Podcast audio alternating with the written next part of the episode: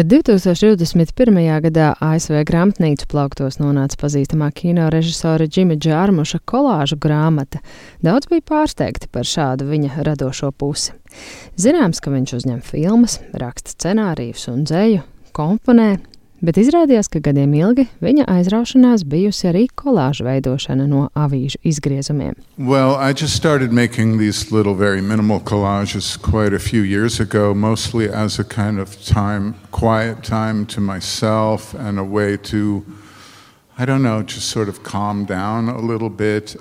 Pirms gada publiskā sarunā ar rakstnieku Jonatanu Eimsu Čikāgas humanitāro zinātņu festivālā Džarmušs teica, ka šīs kolāžas viņam ir veids, kā pabūt klusumā un mierā ar sevi.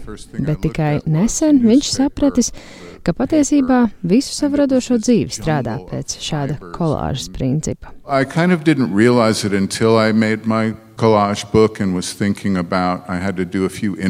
Es to īsti nebiju aptvēris līdz brīdim, kad iznāca mana kolāžu grāmata un man vajadzēja sniegt dažas intervijas. Domāju, vēlams, ko lai saku, nevar izdomāt. Un tad es sapratu, ka patiesībā taču visā savā radošajā darbā izmantoju šo pašu kolāžas metodi. Kad taisu filmas, es vienmēr pats rakstu scenāriju. Ilgāku laiku vācu idejas, vienmēr nesāju līdzi blociņu un pierakstu dažādas domas vai atgadījumus. Un, kad esmu gatavs ķerties pie scenārija, es lieku šīs idejas kopā kā tādā kolāžā, un tās pašas izveidot attēlu.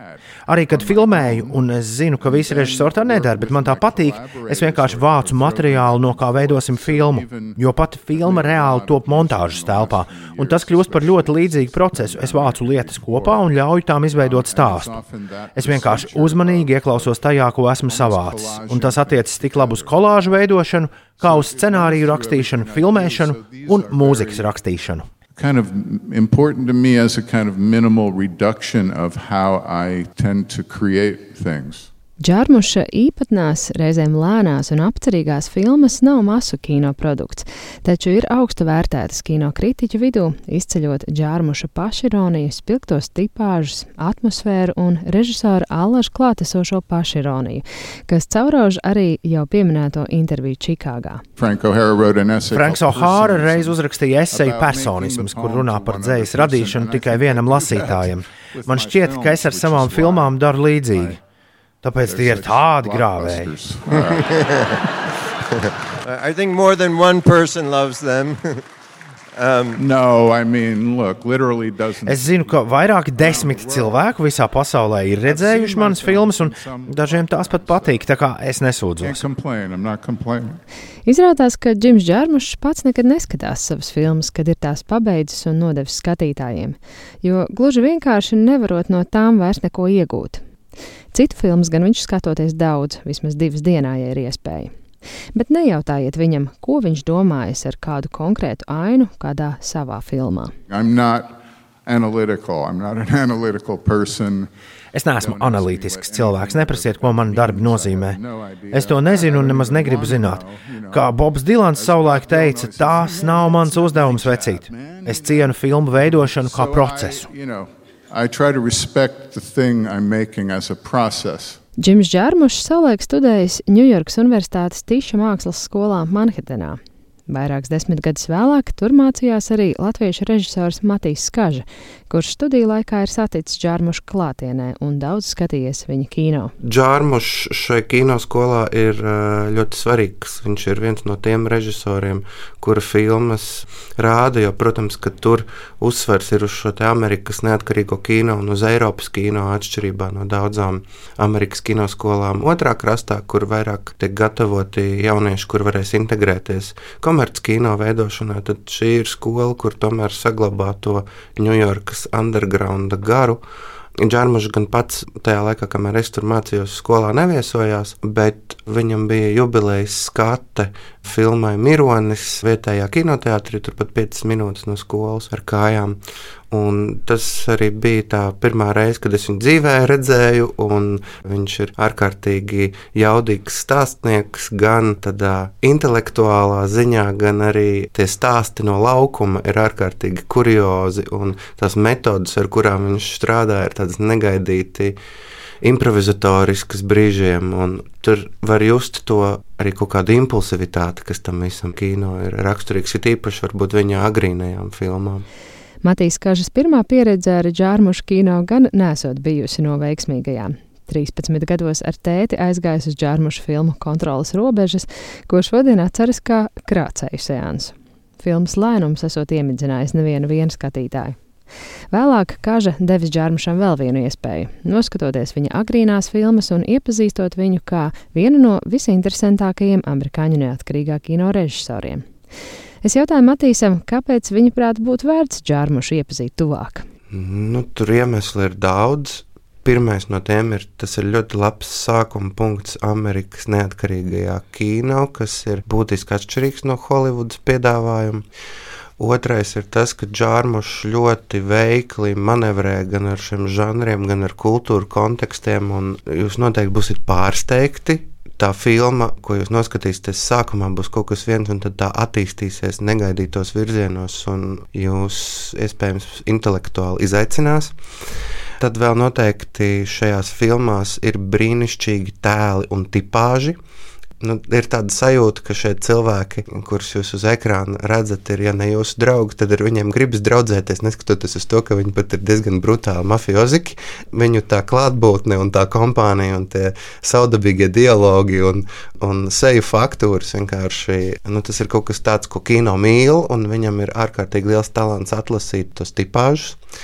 Un tad vēl šis kino piedāvā tādu nu, urbānās vientulības atmosfēru. Un, ja tas ir kaut kas tāds, ar ko jūs sevi asociējat, vai ja tā ir tā pasaule, kurā jums patīk kādu brīdi padzīvot, izņemot varbūt filmu Mironis, kas ir westerns ja, un citādāk. Bet lielai daļai viņu filmu ir šīs ļoti vientulīgās industriālās, urbānās vides un tāda pamestības sajūta, kur divi cilvēki vai trīs naktī vazājas pa kaut kādiem pilsētas um, neizdibināmiem nostūriem, un kaut kas tur notiek, un tam ir ļoti īpaša tāda noskaņa, un tas ir arī reizē noskaņu kino. Matīs Skaža izceļ arī džārmuša neparasto pieeju dramaturģijai, nereti stāstot nevis klasisku stāstu ar sākumu un beigām, bet paša režisori jau pieminētajā kolāžas manierē liekot kopā atsevišķas etīdes, ko vieno kāda tēma, noskaņa vai vide. Bet tik un tā, neskatoties uz šo fragmentārismu, ir tā, nu pat varētu teikt, katarses sajūta vai tā emocionālā saspringuma un piepildījuma sajūta, kas ir ļoti meistarīgi kaut ko tādu panākt no īsiem atsevišķu etīžu blokiem. Turklāt džārmušu nav iespējams ielikt kādu konkrētu kino žanra rāmjos. Viņš pats ar tiem spēlējas, kā ienāk prātā. Te uzfilmē vesternu, te zombiju filmu, te austrumu cīņu filmu. Par savām attiecībām ar kino žanriem Džārmušs pērn stāstīja arī intervijā Čikāgas humanitāro zinātņu festivālā. I'm a big like crime fiction fan. Um, I'm a big fan of Man ļoti patīk krimiķi. Jau kopš tīņa gadiem man paticis uz ekrāna vērot noziedznieku tumšo pasauli un amoralitāti. Tas bija pirmais žanrs, ko iemīlēju, un man iepatikās doma par žanru kā rāmi, kurā tu vari iemānīt savas idejas. Vesterna žanrs, piemēram, ir ļoti interesants, ļoti amerikānisks. Tāpat arī krimināla žanrs. Man vispār patīk skatīties ļoti dažādas filmas, cīņas filmas, komēdijas, gandrīz jebko izņemot mūziklus. Rīgas starptautiskajā kinofestivālā varēs redzēt četru džārmušu filmu izlasi. Viņa pirmo lielo kino darbu 1984. gada Dīvaināk nekā paradīzē, kas iekļauta ASV Nacionālajā filmu reģistrā jeb kino kanonā, 95. gada vesternu Mironis, 99. gada filmu Spoks un Samuraja ceļš, kā arī 2003. gada hītu Kafija un cigaretes. Turpinājumā fragments no kino apskatnieku Dārtas Ceriņas un Žuliena Nuhuma Kulibalī sarunas kultūras rondo šā gada vasarā. Un kas ir interesanti, savādāk eh, nekā paradīzē, ienāk arī Latvijas kinotelpā eh, Viestura Kairiša filmā Janvārs. Mm -hmm ļoti tiešā veidā arī tiek eh, citēta šī filma, un arī par šo filmu arī tiek runāts. Mm -hmm. Tā kā arī šī ir tāda visnotaļ dīka, ļoti asketiska ceļa filma par trim cilvēkiem, tātad diviem draugiem un māsīcu, kas ir ieradusies no Budapestas un kuri dodas uz Floridu. Bet turpinās retrospekcija ar Mironi. Iespējams, man mīļākā džārmuša filma. Es domāju, daudziem tā arī ir. Ar brīnišķīgo jauniņo Džoniju Depu, Depu galvenajā lomā. Arī ceļa filma, arī ceļa filma par sevis atrašanu un spirituāliem meklējumiem cilvēkam bez vārda kā atrast savu vārdu. Ka jā, tev tas ir vārdu, jā, ja tas ir aizņemts no Viljama Blake, no, jā. no dzinieka. Bet tas arī, manuprāt, ko arī pats pieteicis pats Džārmušs, arī, ka tā ir viņa atbilde vai vēstures netaisnības pārrakstīšana, ejot nos no balģīmi westerniem, un tad viņš ir mēģinājis arī inkorporēt arī nu, Amerikas pirmīdzīvotāju arī šo dimensiju. Jā. Un uh, vēl, kas ir mana tāda, varbūt pat favorīta, jo man vienkārši ļoti tuvs Japāņu kino, ir spoks un samuraja ceļš. Spoks un samuraja ceļš ar uh, Forestu Vitikeru par balodīšu barojošu mafijas algotni, kurš nostājas iepratīm savam maizdevējam. Un tad retrospekcija noslēdzas ar draugu kino. Jā. Kafija un cigaretes. Pirmā sastapšanās ar Džārmušu manā dzīvē 2003. vai 2004. gadā.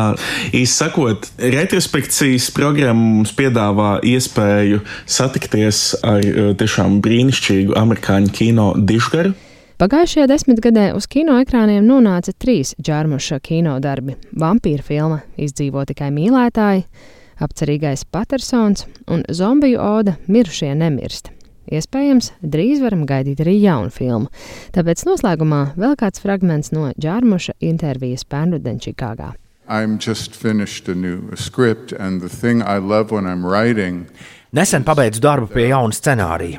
Kad es rakstu, parasti saviem tēliem jau iedomājos konkrētus aktierus, un pēc tam mēģinu viņus ievilināt, filmēties pie manis. Un bieži man veicas. Bet rakstot, es pa laikam nokļūstu tādā stāvoklī, kur es vienkārši dzirdu tēlus runājam un pierakstu viņu teikto. Es nedomāju par šo dialogu, es tikai klausos un pierakstu. Tā ir tāda sapņaina sajūta. And I'm just writing it down, and it's very much like a dream.